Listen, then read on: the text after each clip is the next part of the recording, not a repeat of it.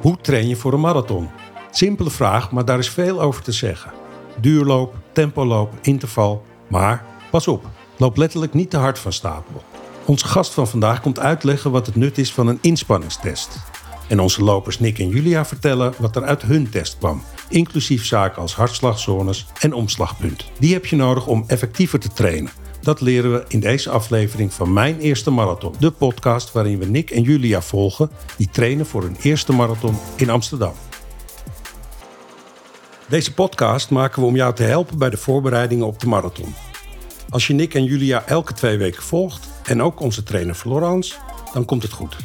Nou ja, dan ben je in ieder geval een eind op weg. Ik zou tegen beginners zeggen, let niet al te veel op die snelheid, maar bouw rustig die afstand in kilometers op. En ehm, dan kom je ook over die finish. Dan nog even een bedankje aan Mizuno en sportorganisatie Le Champion. Door hun medewerking kunnen we deze podcast maken. Laten we snel beginnen. Ik ben Alten Erdogan. Nick, nou jij eerst eh, man, gefeliciteerd. Ja, dankjewel. Je bent eh, vader geworden en het eh, mannetje, is het geloof ik, is een eh, week Klopt. oud. Ja, is nu ja, zes dagen. nee, zo- ja, precies een week. Ja, Ja. inderdaad. Nou ja, de eerste vraag is natuurlijk, hoe is het in godsnaam met je? Ehm, moe, maar zeer voldaan. We genieten volop van hem. en we, ja, we mogen eigenlijk niet, niet heel erg klagen, heb ik het idee. Hij doet het super. Ehm, ja, alleen de trainingen zijn er deze week niet echt van gekomen. Nee. Nee. Hoe, hoe, heet, eh, hoe heet hij? Hij heet Florence. Nee, toch? Kijk ook even naar Florence, onze trainster. Dat eh, echt, Ja, echt. eh, ja, dat was het stom toevallig. maar dat hadden we van tevoren, ja, echt al lang van tevoren in ons hoofd, dat, dat zijn, zijn eerste naam Florence zou worden. En ja, toevallig toen, toen ik eh, uitgenodigd werd voor deze podcast, eh, vernam ik inderdaad ook dat eh, Florence erbij zou komen. Dus dat was echt stom toevallig. wauw. Nou, dan kan het niet meer misgaan eh, qua hardlopen met jou. Elke keer als je je zoon aankijkt, denk je ook een beetje mij. ja, absoluut. Mooi. Heel goed. Hey, eh, je hebt dus weinig geslapen, je zei het al een beetje. De eerste nacht helemaal niet misschien? Nee, de eerste nacht eh, dat hij er was, was het echt eh, drama. Hij was echt eh, vrij overstuur, echt wennen aan zijn nieuwe omgeving. Hebben we echt geen auto gedaan. Nee. Later wel iets meer? Ja, ik denk dat we nu gemiddeld zo'n vier, vijf uurtjes eh, per nacht toch wel moeten gaan redden. Ja, Dan trekken we weer maar naar de keiharde realiteit. eh, en beide benen op de grond. Heb je ook nog een beetje hard kunnen lopen Ehm, ik, heb, week? ik heb gisteren dan eh, mijn eerste training sinds dat hij er was gelopen. En ik moet zeggen, dat, dat, dat viel niet mee. Het, het slaapgebrek merkte ik wel. ehm, en gewoon het feit dat ik mezelf niet kon eh, dwingen om rustig te lopen. Dat ik echt eh, half sprintend eh, zo snel mogelijk weer thuis zou zijn. Je wilde gewoon weer terug naar de baby, hè? Ja, ja. Mooi, mooi. Ja, dat is het mooie van de podcast natuurlijk. Het gaat over gewone mensen en daar gebeuren gewone dingen. Ho hoewel dit natuurlijk helemaal niet zo gewoon is. Prachtige baby erbij. Julia, v- jou, voor jou was het misschien niet zo spannend eh, deze week. Klopt. Eh, hoe ver ben je nu ongeveer eh, met je schema? Want we, we moeten nog ongeveer 20 weken. Ja, ik was ehm, zondag, afgelopen zondag heb ik mijn eerste training eh, van het schema. Wat ik samen met Florence uiteindelijk eh, heb aangepast. Of Florence heeft aangepast, ik voer het uit. gedaan. En toen was het inderdaad, had ik geteld nog 140 dagen. Dus Wauw, dat Ja. voelt wel, als je het zo zegt, 140 dagen lijkt het heel ver weg. Voelt het ook zo? ja, nou ook wel weer dichtbij of zo. Ik weet niet, ik vond, dacht wel van, oh oké, ja, 20 weken gaat denk ik wel best wel snel. Wordt het zwaar, die eerste trainingen? Nee, ik was, ehm, liep ook samen met, met, met een vriend van mij, met Sam. Ehm, en mijn schema is gewoon iets langzamer dan wat ik normaal loop. Eh, dus dat gaf echt ook heel veel rust. En ik dacht, oh, dit kan ik echt lekker volhouden. Gewoon relaxed. Dus ik was ook wel blij. Nou, er zijn al eh, reacties binnengekomen op eh, onze eerste aflevering. En die gaan ook eh, wel over de voorbereiding. We hebben het over schema's gehad. Vraag aan Florence. Waar haal je die schema's nou het beste vandaan eigenlijk? Ja, leuke vraag. Ik, ehm, ik kan natuurlijk zeggen als trainer dat het altijd altijd goed is om een trainer zelf persoonlijk te benaderen, zodat het schema echt op maat wordt gemaakt. Omdat we nou eenmaal mensen zijn, er is, er is niet één aanpak. Je start allemaal op een verschillend startpunt. Hoeveel training je al hebt gedaan, hoe, hoe vaak je al hebt hardgelopen, je gewicht, eh, wat je doel is en dat soort dingen. Maar ik, ik besef me ook dat heel veel beginners, eh, die, eh, of die kunnen die luxe zich niet veroorloven, of die denken, ja, maar dag, ik doe het gewoon wel zelf. En die gaan dan zoeken op het internet en dan kom je echt een keur aan schema's tegen. Ja, dan zie je straks door de boom het bos niet meer Ja. als je daar Ja. mee, niet mee oppast. Hè? Ja, dus ehm, ik zou altijd kijken naar een trainer die voldoende hardloopervaring heeft. Of een professional, zoals jij dat hebt gedaan, Julia. Eh, dat is ook echt een sportatlete van hardlopen. Is zijn een triathlon gegaan en bouwt dan ook schema's. Maar je kan natuurlijk ook op ehm, ehm, het blad Runners World, als je daarop geabonneerd bent, daar vind je vaak in aanloop naar de grote marathons in Nederland, vind je daar ook mooie schema's. En ook op hun sites vind je daar schema's. En dat zijn best gebruikelijke schema's voor eh, beginners. Welke elementen moeten er nou echt in zitten? Welke basiselementen in zo'n schema? Ja, ehm, qua soorten trainingen heb je, heb je eigenlijk drie diverse soorten trainingen. Eh, Je hebt een duurlooptraining waarbij je eigenlijk het doel is om je lichaam te laten wennen aan het uitbreiden van het aantal kilometers. Ehm, die moet daar, daar wil je vooral op trainen. Dan heb je natuurlijk hersteltrainingen. Ehm, die zijn ook eigenlijk bedoeld om rustige kilometers te maken en je lichaam te laten herstellen. En je hebt zogenaamde intervaltrainingen. Eh, noem het ook soms snelheidstrainingen. Dat, dat woord kan je ook wel gebruiken. En die helpen je ook om ehm, je looptechniek en je loopefficiëntie te verbeteren. En dat helpt ook weer, om een term die straks eh, nog in, eh, later in dit programma ook gaat vallen, om je VO2 max te verbeteren. Dus eh, de hoeveelheid zuurstof die je eigenlijk gebruikt om energie vrij te maken. Ehm, qua aantal weken voor een schema varieert dat ook van, vanaf je ervaring en het aantal kilometers wat je zelf al maakt. Van een echte pure beginner zou ik zeggen, ga eerst gewoon lekker een half jaar hardlopen en, en bouw het rustig op. Bouw op tot 20 kilometer dat je aan één stuk kan rennen. Heb je dat al, nou ja, lekker in de benen, zo kan ik dat met, met die woorden wel zeggen. Dan kan je een schema van 12 tot 16 weken prima hanteren. Dankjewel, Florence. Dat is eh, voor veel mensen alweer veel duidelijker, denk ik. Nou, een eh, hardloopschema kan dus specifiek voor mensen worden gemaakt. Hè, door eh, rekening te houden met hoe fit je bent. En ehm, daar kom je achter door een eh, inspanningstest te doen. En inzichten die daaruit komen kunnen je helpen bij een optimale voorbereiding. Zoals jullie weten wil ik zelf ook die marathon gaan lopen in oktober. En voor mij is het best lang geleden dat ik zo'n keuring heb gedaan, zo'n inspanningstest. En ik heb daar zelf ook best nog veel vragen over.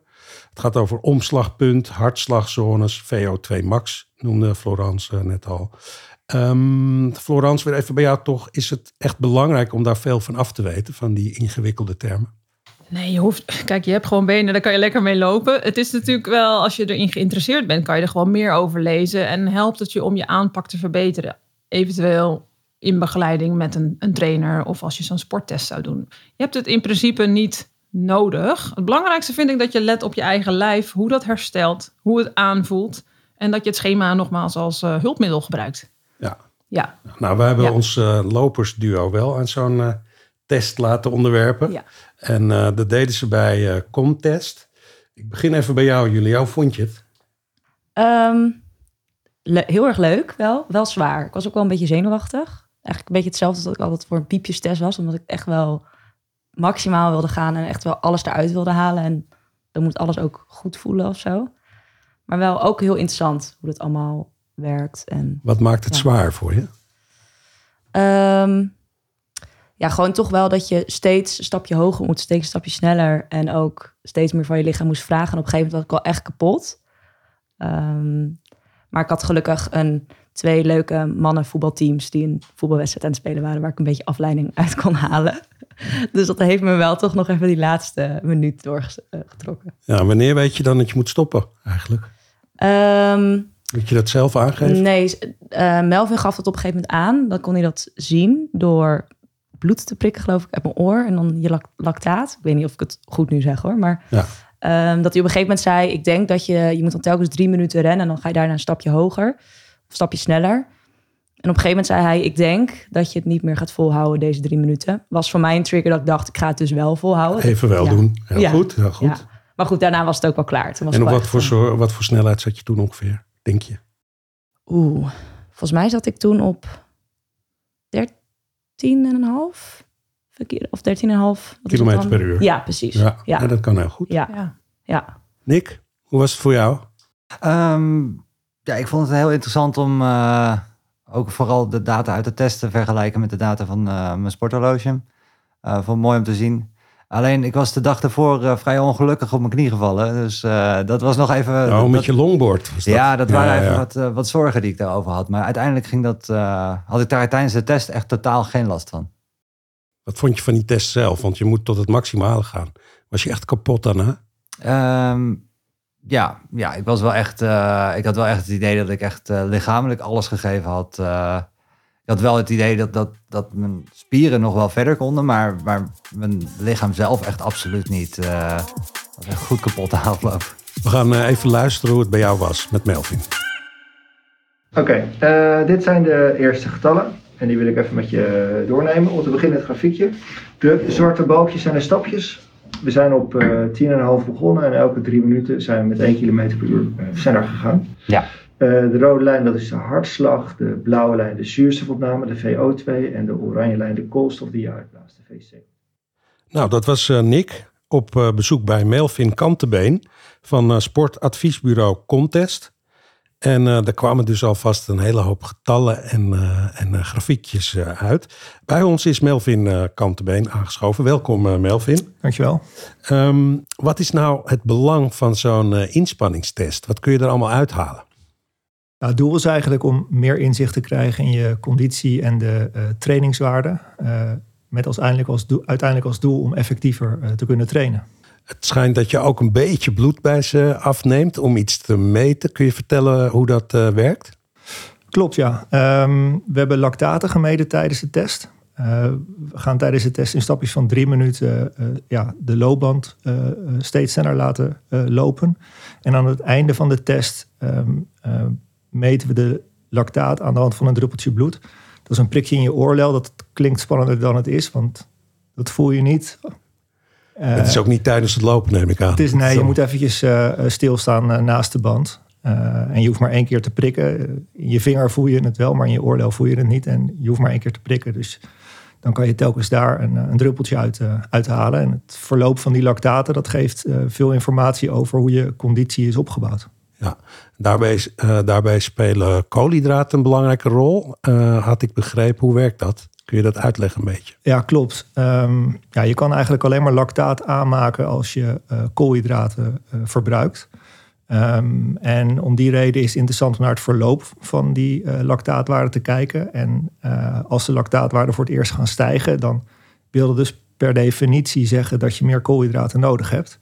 En als marathonloper ja, zal energie altijd beperkend zijn, of als duursporter eigenlijk in zijn algemeenheid.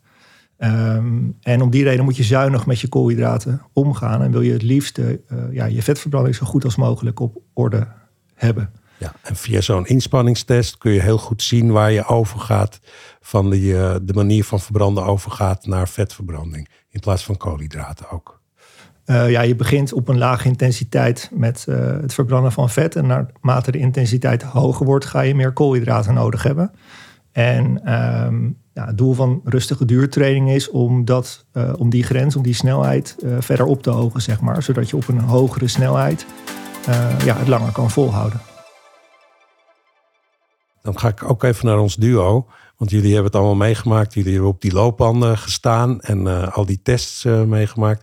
Ik begin even bij Julia. Wat viel jou het meeste op aan die waardes? En, en wat kwam er voor jou als belangrijk ding uit die test?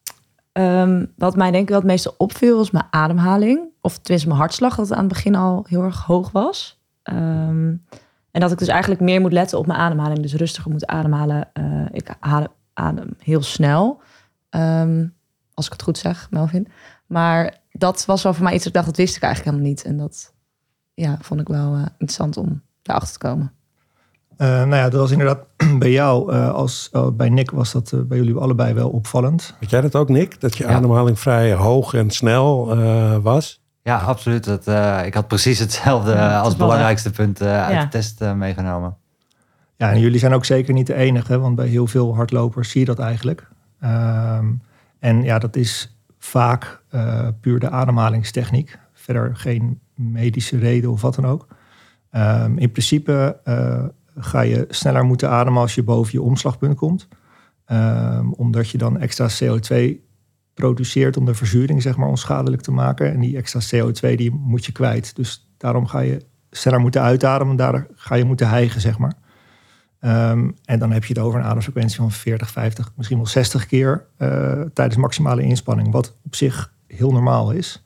Alleen bij jullie allebei zagen we dat aan het begin van de test jullie al rond de 40 keer per minuut uh, zaten. Ja, en dat is eigenlijk heel raar als je op een lactaat van 1 aan het hardlopen bent. Want dan is dat totaal onnodig, zeg maar. Uh, ja, het belangrijkste advies is eigenlijk om meer te focussen op het uitademen. Dan ga je vanzelf ook meer lucht in kunnen ademen, uh, waardoor je ademfrequentie naar beneden toe kan. En je dan dus eigenlijk efficiënter ook, ook kan ademen. Ja. Is het een beetje een domme vraag misschien hoor? Misschien hebben jullie dat ook. Is het gewoon zenuwen ook? Kan dat een rol spelen? Dat je zenuwachtig bent en dan gewoon sneller gaat ademen daardoor? Uh, nou ja, in theorie zou dat natuurlijk uh, kunnen. Het kan natuurlijk ook invloed op je hartslag hebben. Alleen dan kom ik weer terug op die triatleten. Die dan wel zenuwachtig zijn bij de looptest en niet zenuwachtig zijn bij de fietstest. Ja, dat, dat lijkt me niet, zeg maar. Nee, nee. Ja, je begint er al even over. De hartslagzones. Hartslagzones zijn wel heel erg belangrijk hè, bij hardlopen. Um, wat is het belang eigenlijk, Melvin, van hartslagzones voor hardlopers? Um, het meten van hartslag uh, geeft je meer inzicht op welke intensiteit je aan het uh, inspannen bent. Um, op zich de loopsnelheid kan daar ook gewoon, of is eigenlijk misschien nog wel een betere indicator. Maar de combinatie, dat is eigenlijk uh, zeg maar de output die je levert en dat effect op je lichaam. Dus de combinatie is wat het meest interessante is. Um, ja, die zones kunnen je, kunnen je meer, meer richtlijnen geven, zeg maar. Dan is het, uh, heb ik in ieder geval begrepen, ook belangrijk dat je veel vaak loopt op een vrij lage hart, in een vrij lage hartslagzone. Uh, hoeveel moet je in die lage hartslagzone blijven lopen? dus in de literatuur komen, komt een algemene richtlijn voor duursport voor. Dus niet alleen hardlopen, maar ook wielrennen, cross-country skiën enzovoort enzovoort. Um, grof richtlijn 80% rustig trainen. En dat is eigenlijk de hartslag of de snelheid tot de lactaatwaarde voor het eerst gaat stijgen. Uh, en 20% alles wat niet rustig is, zeg maar. Dus alles wat intensiever is dan dat. Is dat dan 80% van uh, de tijd of 80% van de afstand? Waar, waar gaat het over? Um, 80% van je trainingstijd per week of uh, zeg maar je, het aantal sessies per week. Um, ik hoorde laatst in een andere podcast dat je je intensieve training moet verdienen. Dus dan doe je een aantal sessies rustig en dan mag je een keer wat intensiever op zich vond ik toch nog wel een aardige, aardige quote, zeg maar. Nou ja, er zijn ook veel hardlopers. Ik weet niet hoe, hoe het bij jullie is, uh, Nick, bijvoorbeeld. Dat het best moeilijk is om langzaam hard te lopen op de een of andere manier. Um, ja, vooral uh, voordat ik de test had gedaan, uh, had ik echt het idee dat het elke training iets, iets sneller moest. En elke training ja, meer van mezelf moest vragen. Um, nu ik wat meer trainingen op een dus inderdaad wat, wat, wat gematigde tempo loop, uh, heb ik wel echt het, het, idee dat als ik dan een keer een, uh, een, een, loop doe die dan wat pittiger is, dat het ook wat uh, makkelijker afgaat, zeg maar. Ja, dan heb je hem toch verdiend, zoals Melvin net zegt. Dat is mooi. Heb jij dat ook, dat je dacht, ik moet elke keer sneller, Julia? Ja, ik dacht altijd wel dat sneller is beter. Hoe beter je getraind bent, hoe sneller je kan lopen. En dat dat ook soort van noodzaak was. Maar Blijkbaar dus niet. Um, andere term die we vaak tegenkomen is uh, VO2 max. En toen ik het voor het eerst hoorde, dacht ik aan uh, Formule 1 en aan een motor in uh, de nieuwe auto van Max Verstappen. Maar dat is het dus niet. Melvin, kun je eens uitleggen wat betekent VO2 max? nou, het zegt op zich wel iets over de motor, maar dan over de menselijke motor. Um, het is de maximale hoeveelheid zuurstof die je kan opnemen. En dat geeft eigenlijk aan, het is eigenlijk de algemene maat voor conditie. Uh, en het geeft eigenlijk de, de, de, maximale hoeveelheid energie aan die je met behulp van zuurstof kan, uh, kan produceren. Uh, ja, en voor duursporters is dat een hele belangrijke maat. hoe hoger die waarde, hoe harder je kan lopen, hoe harder je kan fietsen in principe. Bij hardlopen spelen natuurlijk ook nog wel andere factoren een rol, zoals hoe efficiënt je loopt en op welk percentage van die VO2 max je het lang kan volhouden. Ehm, maar het is zeker een van de ja, belangrijke prestatiebepalende factoren. Kun je uit die uh, inspanningstesten ook halen hoe snel je de marathon zou kunnen lopen, bijvoorbeeld? Ja en nee. Um, je kan wel een voorspelling doen. Um, uh, alleen er zitten natuurlijk heel veel mitsen en maren uh, aan. het is gewoon eigenlijk puur theorie onder ideale omstandigheden, vlakke weg enzovoort enzovoort. ja, er spelen heel, een heleboel andere factoren een rol. Vorm van de dag, omstandigheden. Het weer, goed bijvoorbeeld. Goed slapen, ja, het, het ja. weer inderdaad. Ja. Um, dus het geeft een richtlijn, maar niet meer dan dat. Um, ja, wat dat betreft zou ik de test ook niet alleen maar doen om een voorspeller of een voorspelling van een, uh, een marathontijd te krijgen. Maar ik zou het meer gebruiken naar de, als hulpmiddel naar de trainingen toe om je gerichter te laten trainen. Uh, ja, en dat je er dan nog wat meer over kan zeggen, dat is leuk, maar, maar niet meer dan dat, zeg maar. Uh, het geeft denk ik fantastisch houvast op een paar belangrijke punten. Uh, Florence, jij hebt, uh, heb jij ze al gezien van Nick uh, en Julia? Ik heb ze van ja, Julia gezien. Nick was met andere dingen bezig, zoals ja, je weet. Inderdaad. Je had hele andere uitslagen. ja. Abgar-testen. Nee, ik heb ze ook echt gebruikt. Want Julia had eerst een, een, een ander schema. Um, nou, die heeft ze nog steeds in de pocket. Maar ik heb haar geadviseerd, omdat haar startpunt... twee trainingen in de week van ongeveer 9 à 10 kilometer is wil ze dat eerst gedoseerd op gaan bouwen en uitbreiden naar die 20. En daar heb ik heel mooi ook, uh, zij heeft het rapport met mij gedeeld. Daar hebben we die, uh, die snelheden die aan haar uh, gegeven zijn uh, als indicatie van wat is nou rustig lopen. Want als je dat als beginner in een, in een schema op internet vindt, voor de ene is rustig lopen nog best wel vlot en voor de ander denkt rustig, ja ik loop heel langzaam. Dus wat is dat dan? En daar hebben we die uitslagen voor gebruikt, zodat je kan aangeven, dan wil je in ieder geval nou, in jouw geval onder die 5,38, maar ik zou nog rustiger gaan lopen. Dat is rustig. En voor die ene intervaltrainer die we zo af en toe erbij voegen, heeft ze ook een indicatie op snelheid. Dus het was 5,38 per kilometer. Hè? Dat is dan weer anders dan kilometer per uur. Maar 5,38 per kilometer. Uh, hoeveel langzamer moest je, uh, Julia? Um, nou, normaal gesproken liep ik iets van 5,20 ongeveer. Oh, je was wel sneller. Um, ja, okay. maar dat was ook eigenlijk geen lekker tempo voor mij. Dus nu, nu na deze test merk ik wel echt dat nu, ja, rustig tempo loop ik nu ongeveer 6 per kilometer. Dat dat wel ook heel veel rust in mijn hoofd geeft of zo. Gewoon ja. relax loop. Heb je dan ja. ook op je hartslag gelet? Hoe hoog die was? Um, nog niet. Ik heb nu mijn hartslagmeter, dus uh, daar kan ik uh, vanaf nu mee beginnen. Er zijn ook hardlopers die zeggen, ja, met zo'n lage hartslag, dan kan ik beter wandelen. Maar het is wel belangrijk om daar toch uh, om dat goed in de gaten te houden. Ja, ik noem het. Ik, voor mensen die geen hartslagmeter hebben, kan je ook een gevoelsomschrijving gebruiken. Dus dan zeg ik altijd het vogeltjes kijken tempo. En het is eigenlijk een tempo waarop je gewoon gesprekken zoals wij die hier voeren, zou kunnen voeren tijdens het hardlopen. Dus dat is belangrijk om te weten dat dat een rustig uh, tempo is om op te lopen.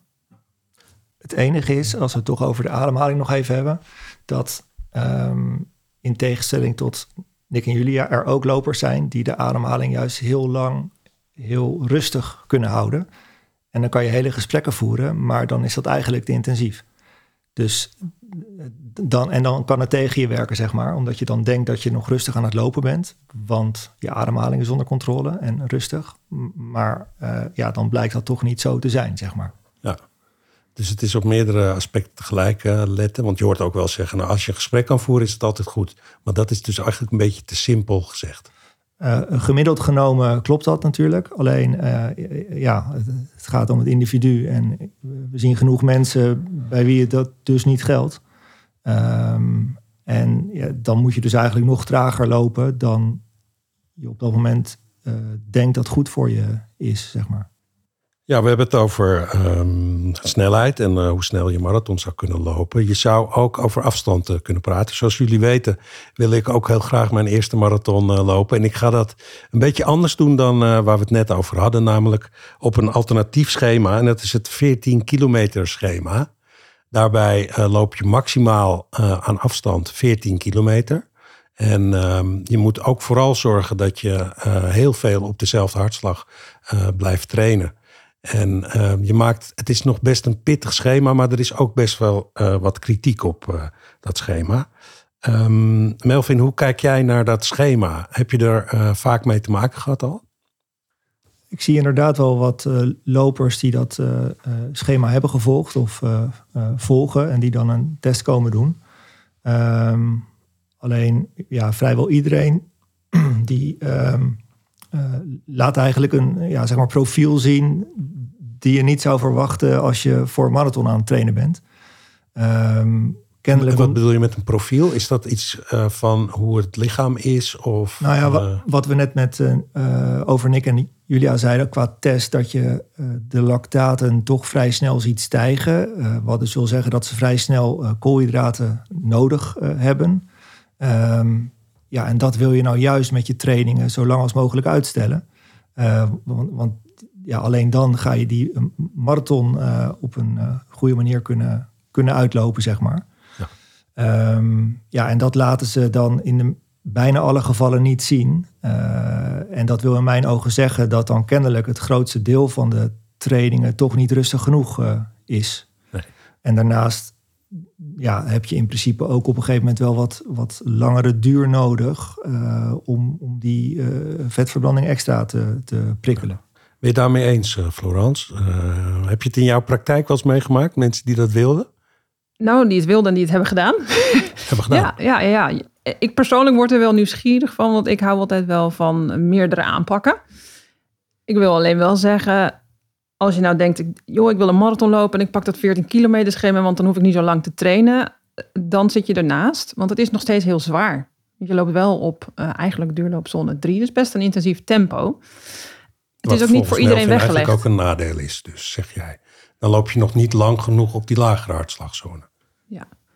Ja, het hangt er een beetje vanaf hoe je die hartslag eh, bepaalt, zeg maar, waar je op, eh, op traint. Ehm, eh, ik kan alleen zeggen op basis van de testen die ik heb gezien, dat dat bij die mensen te intensief is geweest. En of zij dat dan eh, niet juist hebben geïnterpreteerd, zeg maar, of tenminste de, de, verkeerde snelheid hebben aangehouden, of dat dat schema zo in elkaar zit, ja, dat, dat durf ik niet te zeggen. Eh, ik constateer alleen dat het eh, ehm, niet is zoals je het zou willen zien als marathonloper. Is het argument dat je minder blessures krijgt van minder lange afstand lopen eh, volgens jullie eh, een goed argument? Ik denk dat je nog steeds, je hebt nog steeds een opbouw nodig. Dus als je nog nooit hebt gelopen, zou ik niet dat 14 kilometer schema eh, aanraden. Ze zeggen ook in, in datzelfde boek over sportrusten dat het is in ieder geval voor mensen die een 10 kilometer onder de 10, of sorry, onder het uur kunnen lopen. Daar is zo'n schema dan meer voor bedoeld. Geven zij als voorwaarde aan. Ehm, Het is ook vooral door sommigen eh, wordt het ingezet omdat je weinig tijd hebt. Omdat ze denken, ja, de, maar dat is een slecht 30 argument. kilometer, 30 kilometer. je had het over ik heb inderdaad druk, Ik moet blessuregevoelig. hard werken. Nou, dat is voor mij in ieder geval een reden. Ja. Om te Nou, denken, nou 14 kilometer. stand van de pool die dit hele schema heeft eh, gecreëerd en uitgelegd. Kijk, voor veel lopers is 30 kilometer, 32 kilometer trainen, het is een belasting. En de redenatie achter dat sportrustschema is, is dat je minder kilometers maakt, maar juist wel op, dat hartslag, op de hartslagzone van je wedstrijdtempo loopt. Ik ben zelf ook wel nieuwsgierig. Misschien ga ik hem nog een keer toepassen om gewoon zelf lekker uit te vinden hoe dat werkt. Voor nu ben ik zelf wel voorstander van een, ik noem het de reguliere aanpak, zoals ik hem ook in de Atletiek Unie opleiding heb gedaan. Nick, als jij dat nou zo hoort, hè, maximaal eh 14 kilometer. Ben je weer eerder thuis voor de baby. Is het iets eh, wat jij eh, zou overwegen zelf? Ehm, nee, ik heb wel, ik heb wel van, de, van, van het he- geheel gehoord. Ik heb alleen het zelf nooit overwogen, omdat ik, eh, ik vind het gewoon zelf ook heel prettig om eh, mijn afstanden uit te breiden en echt langere afstanden te lopen eh, dan 14 kilometer. Ja, het zou gewoon te weinig zijn voor je. Mm, Ja, nee, ja, ik, ja, ik vind ja, voor, voor, mijn persoonlijk gevoel wel. Ja, ja. En jij, eh, Julia, jij bent ook best druk. Drukke baan. Ehm, ja, klopt.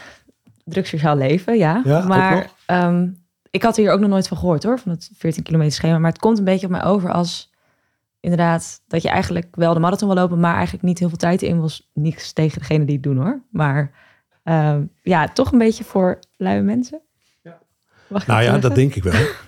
Ehm, die nemen we in ieder geval mee voor mezelf. Maar jij zegt ook, als je het dan eh, wil doen, doe het dan even goed. Ja, Eigenlijk en neem er ook de tijd voor. Ja. Ja, ja. Ik merk ook dat jij eh, daar eh, voorstander van bent. Hè? Melvin probeert toch dat reguliere schema aan te houden. Ehm, stel nou hè, dat ik hem toch zo ga doen. En eh, je bent toch een soort specialist. Wat zou dan een tip zijn die je me mee zou geven? Waar ik op, het meest op moet letten om het toch goed voor elkaar te boksen. Nou ja, om die balans tussen rustig trainen en niet rustig trainen goed te houden. dus ook wel die 80-20 uh, verdeling. Ja, die zou ik, die zou ik altijd toepassen. alleen, ja, waarschijnlijk gaat dat een beetje tegen de ideeën van het sportrusten in. Um, maar goed, ik, ja, ik zou dat altijd doen, zeg maar. En toch om nog eventjes terug te komen op uh, het grotere blessurerisico met een normaal schema. Wat je vaak ziet is dat mensen gewoon te strak vasthouden aan een schema. Niet eigenlijk naar hun eigen lichaam luisteren en dan die training maar moeten doen omdat het in het schema staat. Ik, in combinatie met de rustige trainingen te intensief uitvoeren. Uh, wat allebei een vergroot risico op blessures heeft. En ja, het argument dat dat, dat een regulier schema dus een groter risico oplevert, ja, dat vind ik dus ook niet helemaal terecht, zeg maar.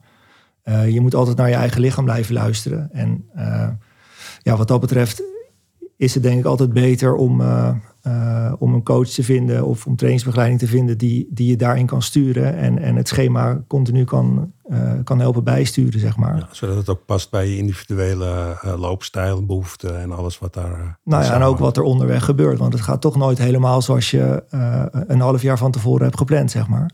En dat, ja, dat is wel belangrijk om dat continu bij te sturen. Ja, nou, we, gaan het proberen. En um, dit zijn allemaal wijze lessen. Eigenlijk is de les van vandaag ook voor een deel luister goed naar je lichaam. Dat hebben we al een paar keer gehoord. Dus dat is mooi.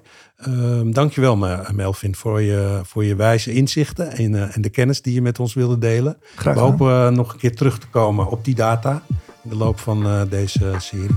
Dankjewel. Alsjeblieft. We gaan naar de vraag van vandaag. Die ene prangende vraag dus.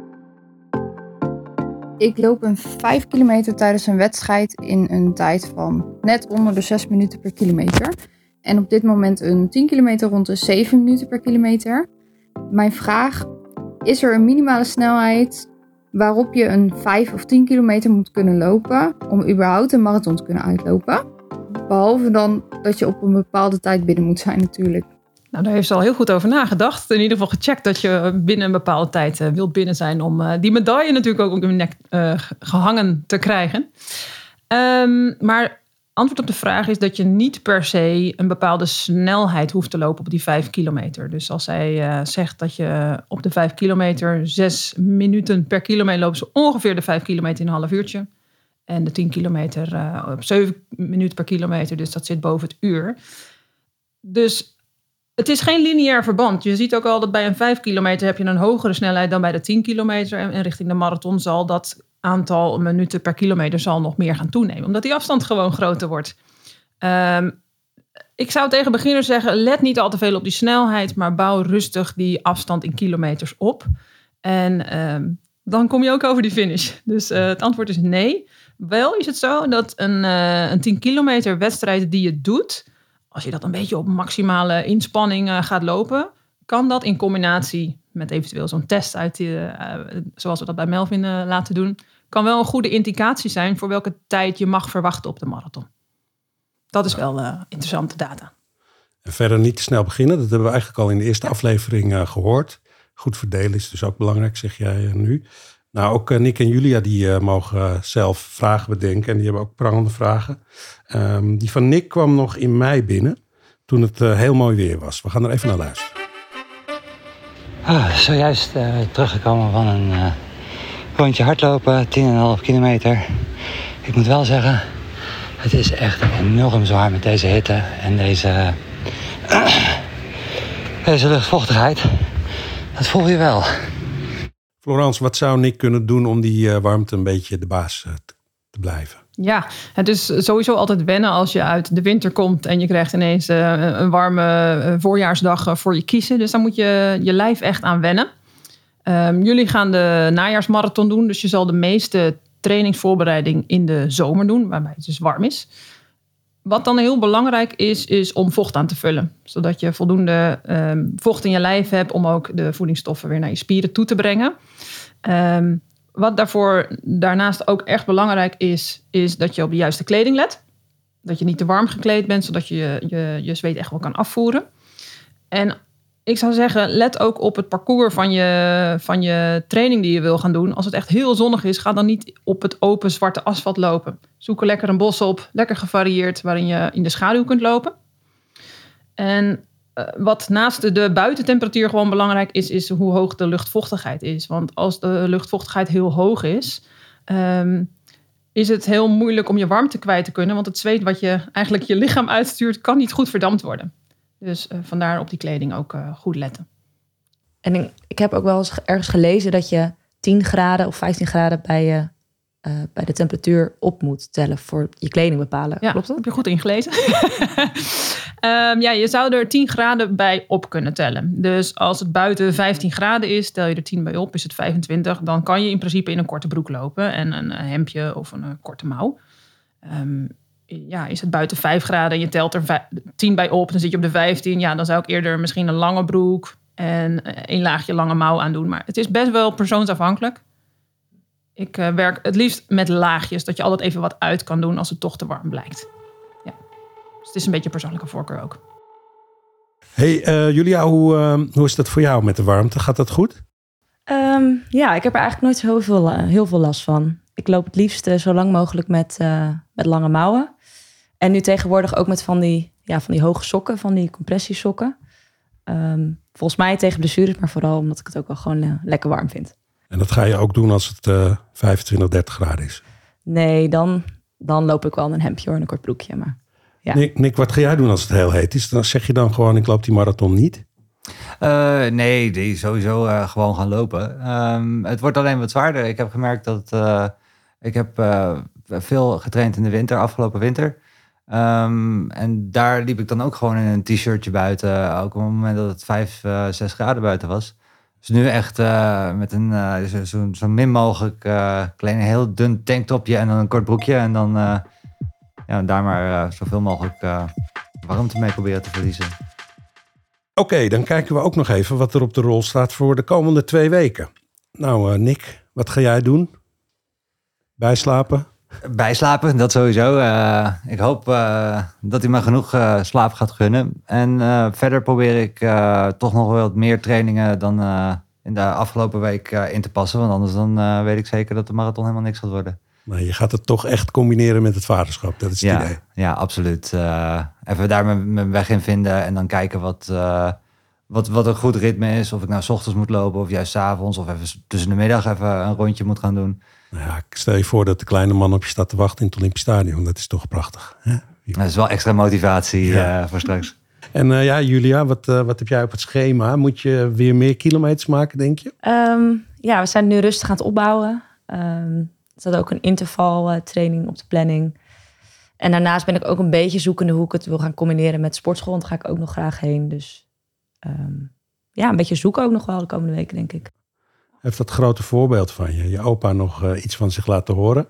Ja, zeker. Die uh, vond de podcast of de, zijn stukje heel erg leuk. En die zei ook van... Uh, ja, die, die appt me bijna elke week van... heb je nog getraind? En ja, dus die is super enthousiast. Heel goed ja. om te horen, heel goed. Nou, Florence, als je dit hoort, het vaderschap, weinig slaap... zullen we daar maar even beginnen? Wat zou kort daarop jouw tip zijn voor Nick? Ja, vooral genieten inderdaad. En uh, probeer in ieder geval niet te gaan inhalen, Nick. Want dan uh, loop je jezelf letterlijk over de kop. Um, ik vind het heel goed wat je zelf al zegt. Gewoon ervaren hoe die combi voor mij is. En dan kan je altijd nog het plan aanpassen. Uh, het doel staat vast. De route er naartoe, die gaan we onderweg wel weer vinden. Ja. Goed, en Julia probeert even te combineren met die sportschool. Daar, daarvan zou je ook zeggen, doe gewoon wat goed is en hou je schema vooral een beetje aan. Maar doe daar niet ingewikkeld over misschien. Ja, voor Julia is het goed om, um, omdat we het schema hebben aangepast, die looptijden bepaald, om gewoon lekker aan te voelen, hey, klopt dit zo? Hoe voelt dit voor mij? Kan ik dat lekker vasthouden? Ik ga mijn kilometers uitbouwen. En vooral ook het plezier vasthouden. Dus als je echt lol hebt om ook gewoon een half uurtje of een uurtje in die fitnessschool te staan, kan alleen maar aanmoedigen als je ook krachtoefeningen doet. Zeker. Heel goed, we naderen het einde van deze aflevering. Julia, Nick en uh, Florence, tot de volgende aflevering. Dank jullie wel weer. Voor onze luisteraars bedankt ook en uh, tot over twee weken. Dan gaan we het hebben over het vinden van de juiste hardloopschoen voor jou. Erg belangrijk onderwerp. En uh, dat is natuurlijk nogal een dingetje. Julia, heb jij dat ook? Zeker. Ja, ik uh, heb speciale zoltjes in mijn schoenen, dus het is altijd weer een eh, gevecht. Oh, en Ja. jij, eh, Nick? Ehm, ik heb eigenlijk, eh, zolang ik eh, hardloop, altijd op één en hetzelfde merk schoen gelopen. Toch niet dezelfde schoen ook, hoop ik? Nee, nee, nee, wel telkens een, een, een nieuw paar. Maar eh, ik ben nu eh, voor het eerst eh, ook met de Mizuno schoenen wezen lopen. En ja, ik moet zeggen, aangenaam. Mooi. Zeer aangenaam. Goed om te horen. Nou, heb jij trouwens al geabonneerd op onze podcast? Daar hoor je dus heel veel van deze handige tips. En dat is ook handig omdat je dan de komende afleveringen ook niet meer hoeft te missen. Deze podcast is een productie van Next Episode. Audiodesign werd verzorgd door Studio Cloak. De eindredactie was in handen van Remco Thomassen. Ik ben Altan en ik zeg blijf lopen, blijf luisteren.